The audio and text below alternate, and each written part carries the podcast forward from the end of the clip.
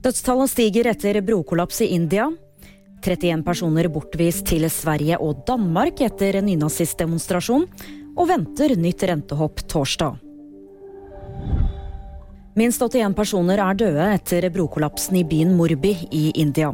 I tillegg er flere titalls kritisk skadd, ifølge nyhetsbyrået Reuters.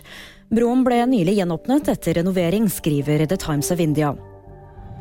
31 personer er bortvist til Sverige og Danmark. Det skjer etter en nynazistdemonstrasjon i Oslo sentrum lørdag. De 31 personene er ilagt et forelegg på 8000 kroner for ikke å ha fulgt politiets instrukser. De tilhører alle en gruppe selverklærte nazister. Og det er ventet et nytt rentehopp torsdag, men flere økonomer som E24 har snakket med, er delte i hvorvidt det blir et dobbelt rentehopp denne gangen. Sentralbanken hevet renten med 0,5 prosentpoeng til 2,25% på møtet i september. Og det var VG nyheter, og de fikk du av meg, Julie Tran.